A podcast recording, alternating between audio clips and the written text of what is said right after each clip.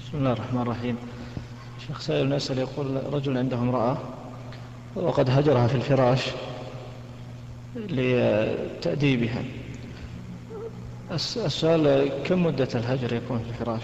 إذا خاصة إذا كانت المرأة لم يفيد بها هذا الهجر. ذكر الله سبحانه وتعالى في كتابه العزيز ثلاث مراتب أو ثلاث مراحل. فقال واللاتي تخافون نشوزهن فعظوهن. وهذا أول ما يبدأ به الإنسان. واهجروهن في المضاجع هذه المرتبة الثانية أو المرحلة الثانية. واضربوهن. هذه المرحلة الثالثة. فإذا لم يفد بها الهجر فإنه يضربها. لكن ضربا غير مبرح. يعني غير مؤلم وموجب لأن المقصود هو التأديب. ولكن لا يلجأ إلى إلى الضرب إلا في الحالة القصوى.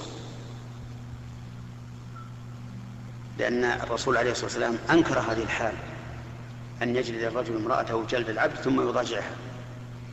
لأن هذا شيء غير ممكن بمقتضى الطبيعة.